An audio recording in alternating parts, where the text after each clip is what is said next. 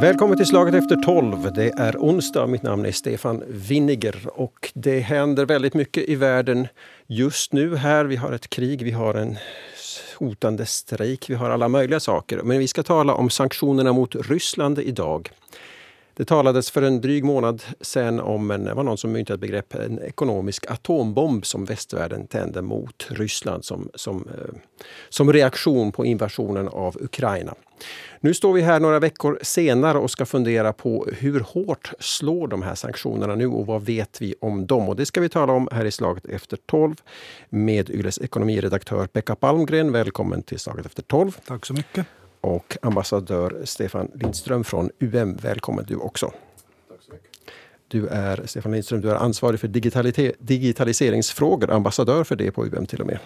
Ja, digitalisering och teknologi, det, det är ju det är egentligen som, som även den här diskussionen kommer att handla om, att hur beroende vårt samhälle och all politik är av teknologi idag. Mm. Och hur den påverkar den vanliga människan egentligen mer än en, en nationalstat. Just och, och, olika teknologiplattformar och halvledare och så vidare. Att hur beroende är vi av det och vad gör vi åt det? Och den diskussionen så, så för jag då från ett utrikespolitiskt eh, perspektiv. Just det. Och idag ska vi fundera på hur just det påverkar Ryssland om man då skärs av från tillgången till den här teknologin. Men vi börjar lite eh, mer ska vi ta lite allmän så här, alltså de här massiva sanktioner, olika paket allt eftersom har, har, vi, har vi, vi och vi, alltså har västvärlden, EU enats om. Eh, Pekka Palmgren, vad vet vi om hur, hur, de, hur Ryssland påverkas? Hur, hur hårt slår det här mot Ryssland i praktiken? Det finns en stor osäkerhet men alldeles uh, nyligen, igår kom internationella IMF, valutafonden IMF med en prognos att den ryska ekonomin kommer att avta med 10 till 15 procent i år. Det här är en väldigt sån makroekonomisk på allmänt plan. Mm. Men mm, det är klart att sanktionerna slår mot Ryssland. Men det, jag tycker att, att vi har ors, orsak att vara lite besvikna på hur, hur den här effekten är. För att eh, till exempel oljehandeln rullar på fortfarande. Mm. Eh, nästan som förut eftersom Europa är så pass beroende av gas och olja från Ryssland. Och där har Ryssland stora inkomster. Så vad gäller liksom den biten, rent ekonomiska, att hur, hur, huruvida väst lyckas stoppa handel med Ryssland, så har det inte lyckats. För vi har stoppat allt annat utom det som vi själva inte klarar oss utan? Så kan man säga. Kan vi säga något, alltså, vad vet vi om proportioner? Det fanns en siffra om att vi betalar en, en vi och vi, men alltså man betalar en miljard euro om dagen till Ryssland. Ja, det finns också relevant? hemskt mycket olika summor har jag sett, men jag skulle säga att en ganska säker uppskattning skulle vara 800 000 per dag. Som vi, som vi betalar. Det här med huvudräkning i radio är alltid svårt, men det är hiskelig massa pengar. Vi betalar, man, man Ryssland ja. får av västvärlden för sina oljeexporter varenda dag. Så att säga. Mm. Så att, ja, men det kommer också bli intressant på det sättet att uh, de här teknologiska uh, sanktionerna, ska vi kalla dem så, så de kommer att påverka, inte omedelbart, utan, utan lite med, mm. med ett längre perspektiv. Då tänker jag framförallt på det sättet att hur länge kan Rysk, Ryssland uh, exportera naturgas och, och olja? För att det är beroende av, av teknologi. Och när pumparna slutar fungera för att de är, uh, kommer till, till änden av, av sin tid och, det finns inga reservdelar att få. Det finns ingen styrsystem som fungerar mera med, med det hela för det är också teknologi som styr de här pumparna och gasledningarna och så vidare. När de slutar fungera så då slutar ju exporten samtidigt. Kan, kan, alltså det, här, det låter jätteintressant. Kan du, kan du liksom utveckla det här lite? Alltså man, man tänker sig gärna med något traditionellt, det här ett fraktfartyg som kommer med olja eller vad det nu är. Ja, alltså det, det är mer än så. Ja, samma sak som en bil till exempel. Att om, om en bil går sönder idag så, så hela den här, våra värdekedjor baserar ju på just in time. Och, och, det finns ju inte reservdel i Finland till exempel för en bil utan den kommer från Tyskland sen inom två, tre dagar och så vidare. Men nu levereras ju inga reservdelar överhuvudtaget till Ryssland. Mm -hmm. uh, inte till bilar och inte heller till pumpar som, som uh, finns på raffinaderier eller i, i de här gasledningarna. Och, och, det här påverkar ju sen på längre sikt hela tiden mer och mer i en accelererande kraft. Att uh, när, de, när de inte har tillgång till det här så går det inte. Och sen kan vi ju komma in också på det här ganska intressanta temat då halvledare och hur beroende vår ekonomi är av halvledare, i, inte bara vår ekonomi men också den ryska ekonomin. Ja, det, jag håller med att det är så här vi ska se på, på de här sanktionerna, att på kort sikt så kan vi vara lite besvikna. Vi hade inte den effekten som, som vi trodde kanske, eller som många hoppades. Men däremot på lite längre sikt, just som, som Stefan här säger, så, så det, eh, då exploderar den ekonomiska atombomben verkligen där. Och sen har vi ju andra grejer då att eh, de här certifikaten för, för eh, all, all mjukvara som, som, är, som vi använder dagligen utan att vi egentligen vet om att vi använder, så, så de går också ut. Och efter det så kommer ju de som använder den här mjukvaran att vara på ett helt annat sätt, eh, ja, det, det, det, det, kommer attacker, det kommer, den, den slutar fungera.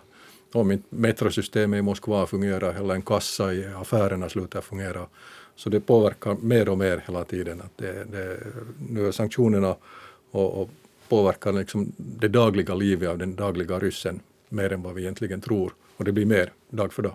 Vet man, kan man säga något om hur, hur fort det där går? Om jag, jag försöker översätta det här till något slags vardagligt som säger att, att min, min telefon uppmanade mig att installera ett nytt, nytt systemprogram, en uppdatering säger vi, någonting punkt 14,15 eller något sånt där. Och så gör jag inte det därför att jag befinner mig i Ryssland och, Ryss och det kan inte komma till min telefon. Jag menar då, då kan jag ju tänka men det kanske funkar ganska länge ändå med det gamla. Alltså hur, hur, vad vet man om de här processerna? Eh, att, att från det att, att kassa kassaapparaten i, i, en, i en butik i Moskva inte längre kan uppdateras så, så här, tills den inte fungerar alls. Hur lång tid tar det? Eller, eller alltså, när blir det där kritiskt på något sätt för Ryssland? Ja, det beror på egentligen då. De försöker ju skapa sina egna system samtidigt på, på sidan av. Uh, nu, nu är det en annan grej också med de här sanktionerna som är liksom indirekta på det sättet att Uh, den siffra jag nu har sett senast så är det att uh, mellan 75 och 80 000 uh, ryska IT-arbetare har, har, helt enkelt flyttat bort från Ryssland. Och, Putin har väl lagt in några vissa incitament för att de ska stanna kvar, skattefrihet och så. Men att uh, nu, nu är det en enorm brain drain också därifrån, så vem ska göra alla de här grejerna som de vill göra? Uh, för, det, att, för, att, inte tala om alla utländska IT-kunniga människor som har redan stuckit för en tid sedan. Ja. Så det, det, det är ju faktiskt fråga om dels reservdelar och dels den här kunskapen om hur man installerar och, och inte bara kunskapen också. Ryssland har ju varit ganska långt uh, framme beträffande forskning inom, inom olika uh, IT-områden. Och nu är alla internationella forskningssamarbeten med Ryssland är avblåsta. Mm. Med toppuniversiteten i USA eller i Kina eller, eller i, i Finland för den delen. Och, och, det här påverkar nog enormt mycket. Och, och, det påverkar ju också förstås viljan för de forskare som finns där att fortsätta För de, de, de är ju vetenskapsmän och de vill skapa någonting nytt, någonting nydanande. Och, och, när de har ingen möjlighet att göra det så då är det nog många av dem som, som sticker. Mm. Ja, det har varit, bara som kommentar, det har varit jätteintressant att följa med den här utvecklingen för att länge har vi talat om att Ryssland har varit ganska självförsörjande. Och det stämde väl kanske mera på Sovjetunionen de facto.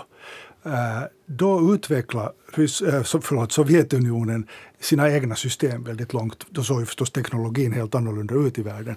Men eh, Ryssland lär ska vara fullständigt beroende av, av västerländsk teknologi. Mm. Och där finns det inte en chans att de skulle nu kunna börja utveckla eh, till exempel, inte ens eh, produktion av halvledare eller, eller annat. Men, men, om, jag, om jag då får, med tanke på det du mm. sa eh, Pekka Palmgren här i början, just det här att vi har lite skäl så på kort sikt att vara besvikna på att de här sanktionerna, de har ju inte stoppat det här kriget. Och det, är egentligen, det är ju det, det är liksom mot den här, det här adrenalinet som vi känner varje dag, att det här, hur länge ska det här fortsätta? Som vi liksom väger det här, vi får stopp på det här nu på något sätt. Så de här, att det här inte fungerar, då har ju, jag har sett uppgifter om att ja, men Ryssland de är självförsörjande på stål och mineraler på det sättet. Och mm. Soldater har de ganska många och livsmedel, potatis och kött klarar mm. de sig väldigt länge. Och för att inte tala om bränsle, olja som, som alla andra är beroende, just det har de hur mycket som helst. Så att att då har det funnits uppgifter att på det sättet har, är deras uthållighet ganska stor, att man kan men, hålla på rätt länge. Nu måste vi också se det från det perspektivet att de har mistat nu tusentals tanks och, och olika sådana här bepansrade fordon. Och, och, deras hela operativsystem baserar sig på halvledare. Och när de inte får in några nya, samma gäller det missiler. Uh, och när de inte får in nya halvledare någonstans, det är klart att det existerar säkert någon slags smuggling här eller där men att i det, i det stora hela så är de helt beroende av, av den västerländska teknologin. Så, så de kan inte bygga nya tanks, de kan inte bygga nya missiler. För det fungerar helt enkelt inte. Och de har heller inga lager då alltså någonstans? Inom... Det har jag svårt att tro att de skulle vara så stora. Och, och sen det andra är det att vi vet, inte, vi vet inte heller den där situationen med det att om de får halvledare in någon annanstans ifrån och använder dem så hur kan de lita på de halvledarna att de inte är korrumperade, med, det vill säga att, att där finns virus och, och, och andra motsvarigheter inkluderade i dem. Så mm. jag skulle nog vara ganska försiktig att ta in halvledare från, från uh, källor som jag inte känner till. Och det här att som, som man, vi vet att Kina står ju fortfarande dock vid Rysslands sida, officiellt i alla fall. Hur stor är, kanske du vet exakt då, hur, alltså hur, hur pass stor chansen, risken, möjligheten, man ska, vad metoder man ska använda, att Ryssland från Kina eller något annat halvvänligt sinnat land kan få ersättning för det man inte får från, från USA eller andra? Halvledarindustrin är otroligt koncentrerad till USA, Taiwan, Japan, Sydkorea. Det finns knappt någon produktion utanför, lite i, i Nederländerna. Så, att, så Kina så, har inte heller en tillverkning? Nej. Och är det... Inte åtminstone i, i, i den mån som skulle behövas. Den, den tillverkning som finns i Kina så den är, den är teknologiskt väldigt undervärdig. Och det är också intressant med halvledare att eh, det, det vad Pekka sa är det att de här länderna producerar de här halvledarna. Men det är lika intressant att se på det att vilka länder är det som producerar de maskiner som producerar halvledare. Mm. Och där är till exempel Holland absolut världsledande i topphalvledare i världen just nu. Okej, okay, det visste jag inte, det var intressant. Just, just Holland alltså, som jag tänker på fotboll och öl och lite annat sådär, att världsledande för, för maskiner som gör halvledare, det var, det var nytt för mig. Sen, be, sen behövs också, förlåt, för, för, ja. för, för det här krigsmaskineriet eller för alltså produktion av vapen så behövs också till exempel eh, avancerad svetsteknik och borrar och, och den här typen av industrimaskiner. Och eh, nu innefattar den här nyaste sanktionspaketet också sån teknologi. Mm. Så när det gäller produktion av, av sånt som Ryssland behöver för kriget så liksom är vi på en helt väst är på en helt ny nivå nu när det gäller sanktioner. Att, att om, om, man tidigare har tagit hem företag eller företag har själva lämnat landet sådana som har tillverkat mat eller sålt mat eller hamburgerkedjor eller sånt. Så det är på sätt och vis irrelevant, det har varit symboliskt viktigt. Mm. Och det kommer att skapa en stor arbetslöshet, eh, säkert i Ryssland och, och, och försvaga landet. Men nu när vi talar om teknologi mm. och, och, datateknologi, det, jag har en känsla att det är nu det, det verkligen börjar hända. Just det. Får jag bara ännu en, en följdfråga här ställa till, till dig, Stefan Lindström här. Alltså det här att, att det är vad sa du, Japan, USA, Sydkorea som till Taiwan som tillverkar eh, maskinerna och egentligen huvudsaken av, chip, av halvledarproduktionen och de maskiner som gör halvledarna.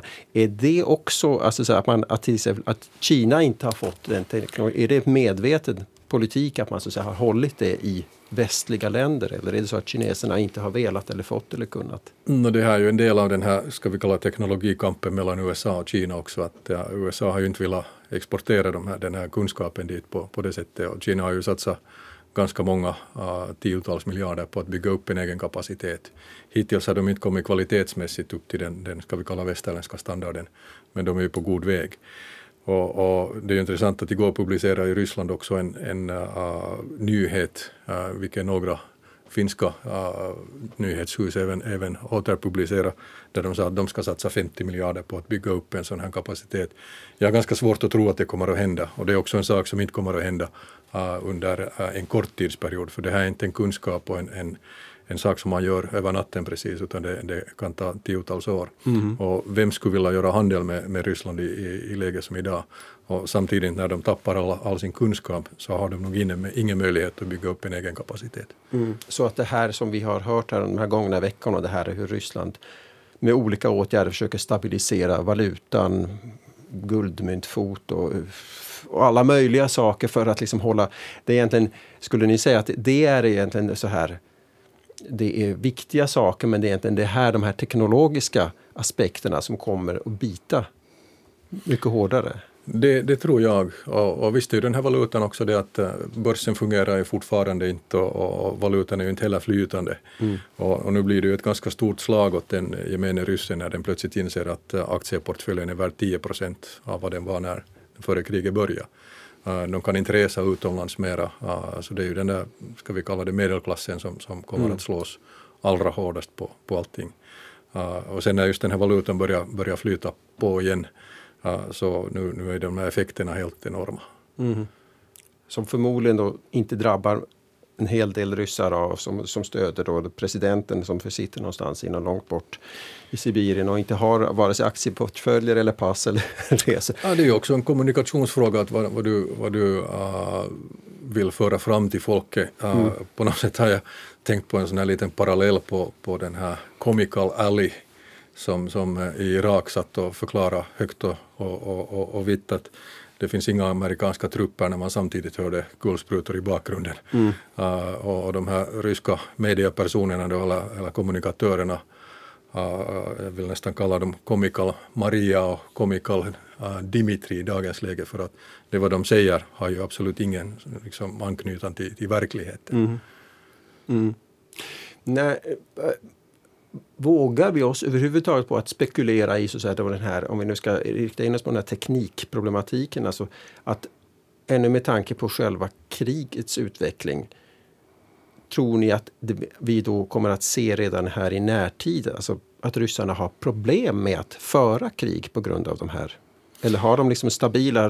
Vi har en idé, det finns berömda filmscener där också med rysk teknik. Jag tror när, ni vet Bruce Willis och Armageddon att, han, att det finns en ryss där som sparkar på maskinen och säger att det är rysk tålig teknik. Är det så vi ska se på rysk eller kommer det redan inom veckor att märkas? Där, där är också en annan aspekt som vi måste titta på. Det är ju, det är liksom den här underhållsaspekten, ska vi kalla det. Mm. Uh, och, och, nu har det ju satsats en hel del på det hela men att nu är det på något sätt tragikomiskt att se en sån här robotlavett som är, kostar 15 miljoner styck som har däck som är billiga kine, kinesiska kopior och som har punkat på alla 15 däck och inte fungerar på grund av det. Det är också en teknologifråga i princip, då, att vad vill du satsa på? Att, mm. att äh, du, du, du ser inte helheten utan du, du går på det billigaste på, på saker som ändå är viktigt sen för att äh, en, en sak ska fungera.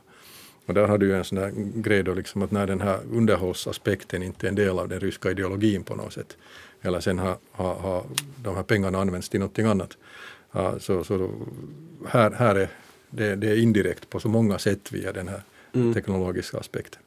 Mm. Och, och, och, och, det där tror, tror, tror du kommer vi liksom se, alltså det är en del förklaring till varför det har gått så dåligt hittills har vi ju hört att de lastbilarna mot Kiev, de kom, de fick punktering men alltså även nu i den här, de, den här offensiven nu kan, kan synas ganska snart. Tro. Vågar du spekulera i något sånt? Ja, det, det, finns ju så mycket information därifrån men, men eh, nu, nu, tror jag att det är en ganska säker spekulation i princip då att uh, underhållet och den här logistiken har varit de största problemen mm. för, för ryska armén att ta sig fram överhuvudtaget. Mm. Att det att fungera sakerna så som de borde fungera. Mm. Det finns ju också en annan intressant spekulation som jag har sett som går ut på det då att uh, om Ryssland har, har skjutit tusentals missiler i dagens läge så en, en stor del faktiskt landar mitt på åkrar och, och, och någonstans där de inte borde ha landat. Och då är det ju frågan det att varför? Är det så att äh, deras äh, styrsystem har blivit korrumperade eller är det så att de bara inte fungerar så som de ska? Uh, men, men det är ju spekulering som mm. sagt. Det vet man inte. Jag har tänkt på det att i och med att avancerad elektronik och tek teknologi och halvledare och, och, och annan teknisk utrustning inte mera levereras till Ryssland så inser ju ryssarna det själva. De är ju inte dumma. Och hur stor press lägger inte det här på ledningen, det vill säga Putin, arméledningen överhuvudtaget, att de inser att det må nu ta då en vecka, två veckor, sju veckor, jag, mm. jag, jag, kan inte bedöma det där, men det, förr eller senare så stannar en hel del viktiga, fullständigt vad heter det, nödvändiga maskiner och, och dataprogram och, och allting.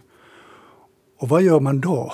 Det kanske skulle vara bäst att liksom sluta före det, mm. har jag tänkt. att, att den, den, den här, det här femte paketet nu som EU, och, och jag menar, det är både EU och USA som utfärdar de här sanktionerna, så det måste ha liksom en otroligt stark psykologisk effekt, eller ska vi säga strategisk effekt, mm. mer än psykologisk. Att, att Rys, Ryssland inser att snart mm. har vi inte teknologi mera att bedriva krig.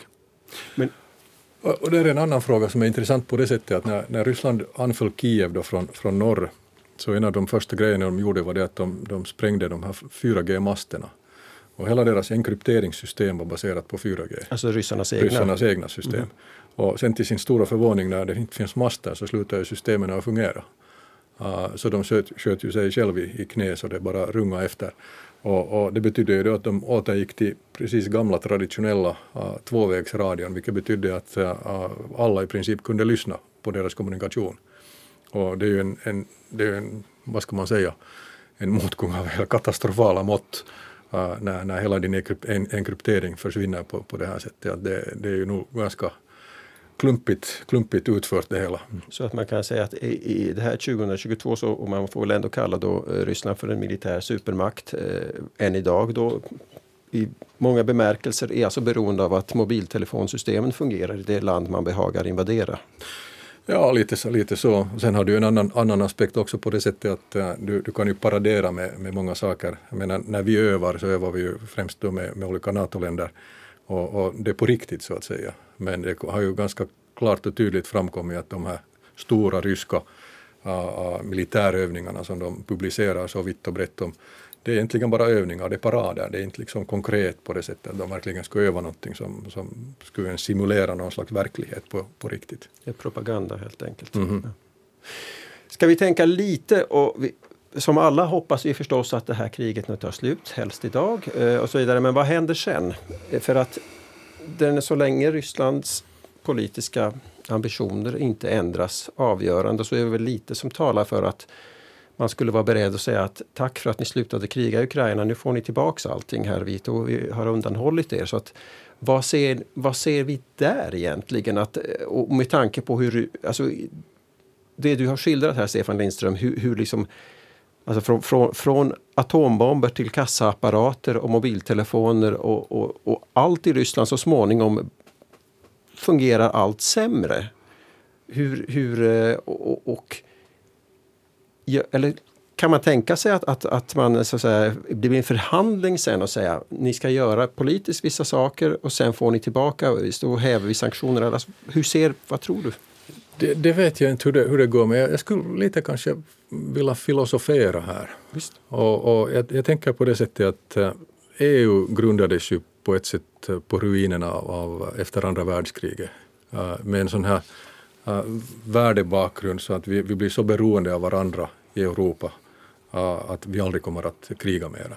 Och det har ju lyckats. Inget EU-land har någonsin fört krig mot ett annat EU-land och, och vi är så bundna av varandra ekonomiskt och politiskt.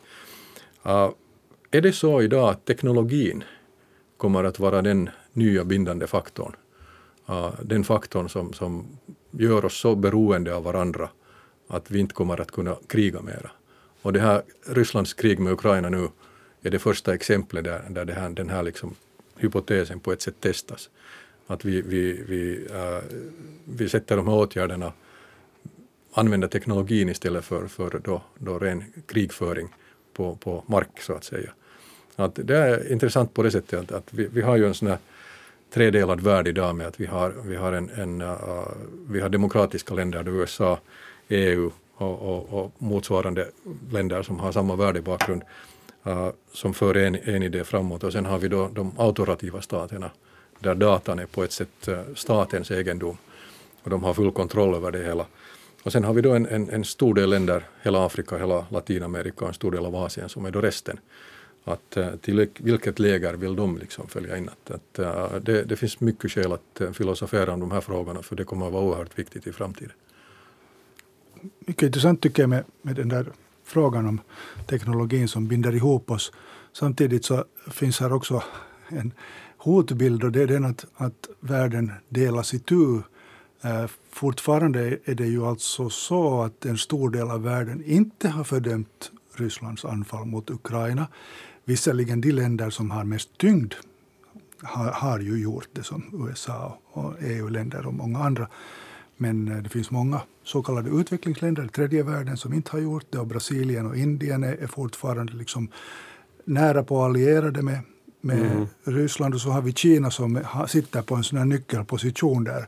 Hur ska, hur ska Kina agera?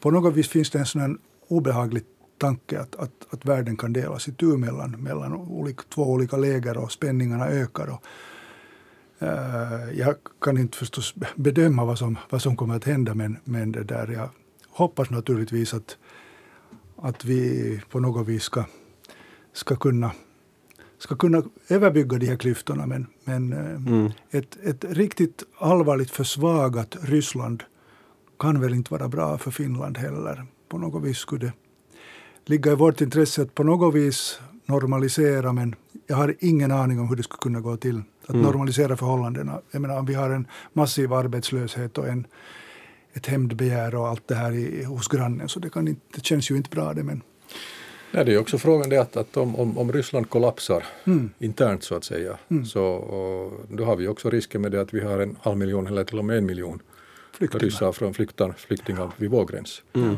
Uh, och det här är någonting, det, det är liksom en hypotes som vi måste ta i beaktande. Men vad ska jag säga, det måste, nu tänker jag ändå på den här teknologin här, Stefan Lindström, alltså på UM, ambassadör med ansvar för just de här strategiska betydelsen av teknologin i världen.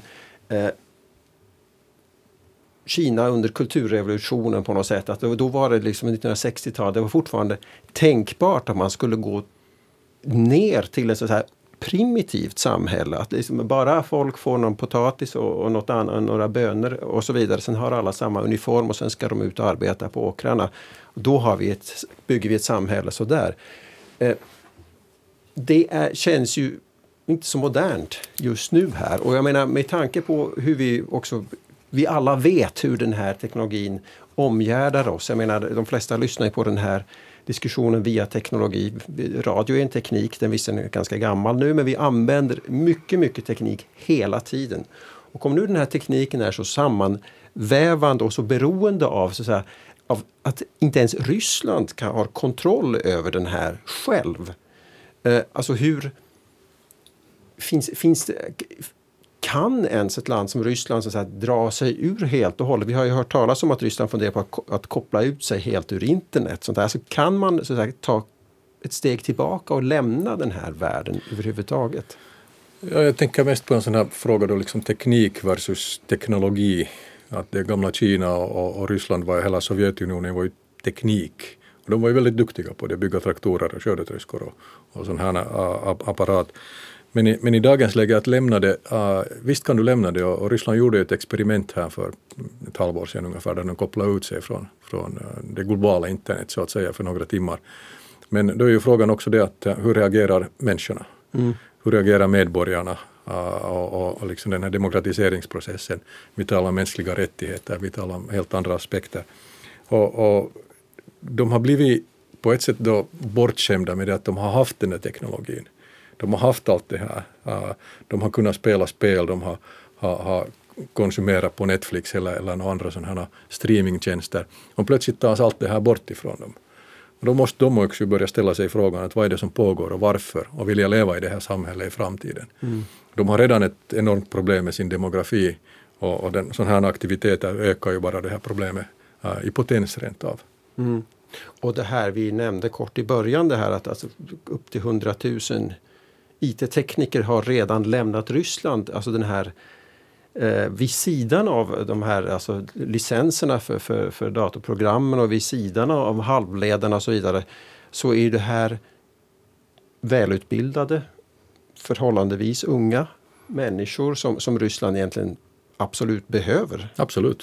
Och jag menar hur, hur, hur, hur stor slag mot Ryssland är det då? Att så säga, det är en del av att folket vänder sig bort från, från, från regeringen. Ja, det är ju det, är det som jag många gånger funderar på. Det, att hur, hur säljer Putin sitt narrativ till, till de unga? Mm. Uh, vad har de för framtid? Uh, hur ska de skapa en framtid åt sig själv? Och, och, den frågan har jag nog inga, inga bra svar på. Jag tror nog att de, de själv röstar de med fötterna mer än någonting annat. Mm. För de har ingen framtid i det Ryssland som han skapar nu. Och det, det sorgliga i det hela är ju det liksom att äh, det, det ryska, allt det vad Ryssland representerar, en otroligt rik kultur, en historia, äh, ett kunnande. Äh, så det, det kommer att ha en, en, en viss negativ klang, kanske till och med för en hel generation mm. att, att, att komma på grund av det vad som sker just nu. Och samtidigt vänds hela den här utvecklingen mot Putin själv i och med att han inte kommer att, kommer att kunna upprätthålla krigsmaskineriet utan teknologi. Mm. Men vi vet alltså inte i vilket... Vi, kan, det, vi, vi, vi, tre i den här radiostudion kan inte riktigt slå fast hur, hur, hur, om det är frågan om timmar eller dagar eller månader eller år. Det är lite, det är lite svårt att säga. Men får vi, ska vi ännu här, eh, innan vi skiljs åt här i slaget efter tolv, eh, eh, ägna några ord bara åt att den stora massan, speciellt de äldre ryssarna som, som finns här, som ju utgör Vladimir Putins politiska bas. Som ju så att säga, medan ungdomarna han inte har något att erbjuda till ungdomarna så har han ju en minne av forn storhet, eh, seger över nazismen, Rysslands storhet och billig gas och baslivsmedel på något sätt. Så att är det så att de helt enkelt, de når man inte med de här sanktionerna hittills? Eller är det via då inflationen och arbetslösheten? Det är nog det jag tror också på det sättet att, att städerna reagerar på ett sätt men den ryska landsbygden så den är, du kan ju inte jämföra det med en finsk eller en europeisk landsbygd utan den är nog ganska långt bak i tiden. Och, och de har aldrig egentligen haft någonting bättre än vad de har idag. Och de mm. behöver en stark ledare på ett sätt och de följer sin starka ledare. Mm. Men, de, men, men, men, inflationen, eh, det ekonomiska, vad ska jag säga, vad säger man nu, minskande produktionen, arbetslösheten, den kommer väl att äta sig också ut på landsbygden i förlängningen. Absolut. Absolut. Men det tar också längre tid. Mm. Om en gång ryska centralbankens chef sa att vi kommer att ha två, de kommer att ha 200 000 nya arbetslösa på grund av allt det här inom, inom kort. Så betyder det väl nog någonting för mm. ryska folket skulle jag tro. Bara som liksom ett exempel. Ja. Så att nu, nu, nu drabbas ju folket där hårt. Frågan är ju hur de tolkar det här. Mm. Men, men det, där, det har jag inget svar på. Men, men um, någon måste väl, eller många måste väl börja tänka så småningom på vad det egentligen är som händer, precis som Stefan sa här. Mm. Och nu kanske undrar någon som lyssnar här också ännu en sak, men hur går det då med deras utlandsskulder då på något sätt? Så att bara vi har berört det också nu, kan vi säga någonting? För hittills har ryssarna lyckats på något sätt, alltså det här att betala de statsskulder man har. Eller hur? Ja, så har det Ryssland har betalat sina statsskulder men, men hur, hur, det går i framtiden så får vi ju se. Jag vet inte om Ja, samma är det. Sen då att eh, det är ju frysta medel, var det 350 miljarder eller mer, jag vet inte exakt de här summorna, av, av uh, ryska medel utomlands. Och en del av dem har ju använts nu för att avkorta de här lånen. Ja. Men det är ju nog ganska komplicerade ekvationer som, som görs lite här och där och kanske lite kohandel också. Mm. Uh, men, men det är ju också en stor fråga sen vad händer med de här reserverna i framtiden. Kommer de användas för att bygga upp Ukraina eller, eller det vet vi inte. Just det. Nej, så att jag vill bara ta upp den frågan ännu här. Vi har talat om sanktionerna mot Ryssland, den så kallade atombomben som, ju en, som har briserat men vars följder vi inte riktigt har ekonomiska atombomben som vars följder vi inte riktigt har sett ännu och som vi konstaterade här i början så köper vi nu olja för nästan en miljard om dagen här i västvärlden, alltså av Ryssland. Så då kommer, de får ju pengar trots allt. Men följderna på sikt är betydande. Så vi får återkomma till den frågan. Tack så mycket säga till Pekka Palmgren som är ekonomireporter på YLE och tack Stefan Lindström som är ambassadör med ansvar för digitalisering och, och eh, teknik på UM. Stefan Windiger heter jag och jag tackar för att ni lyssnade och vi hörs igen. Hej då!